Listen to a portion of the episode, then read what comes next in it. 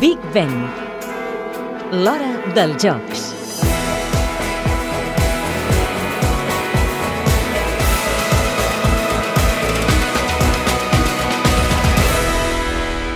Les nedadores de sincronitzada tindran el privilegi de disputar el preolímpic a la mateixa piscina on a l'agost s'hi faran els Jocs Olímpics. El complex aquàtic de la capital britànica serà l'escenari on les nedadores de sincro han de classificar-se en les modalitats de duet i d'equip, que són les olímpiques. Cada una d'aquestes modalitats es composa per un exercici anomenat rutina tècnica i un altre anomenat rutina lliure.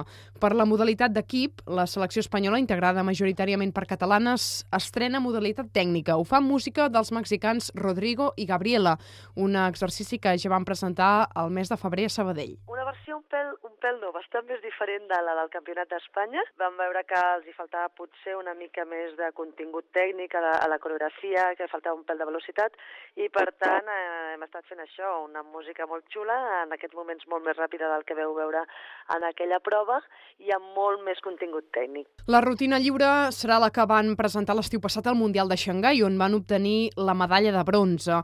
Els tres primers equips classificats obtindran plaça pels Jocs Olímpics. Ens medim amb Rússia, amb Japó, amb Estats Units, Corea i tots els europeus que vinguin. O sigui, no hem de tenir, si no tenim cap lesió, cap contratemps, eh, estem classificats. En la modalitat de duet, les representants espanyoles també són catalanes. Són la parella ja clàssica, l'Andrea Fuentes i l'Ona Carbonell.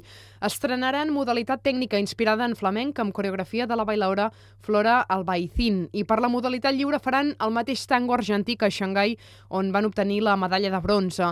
Es classifiquen aquí els 24 primers duets. Aquest preolímpic de natació sincronitzada es disputa a Londres del 18 al 22 d'abril.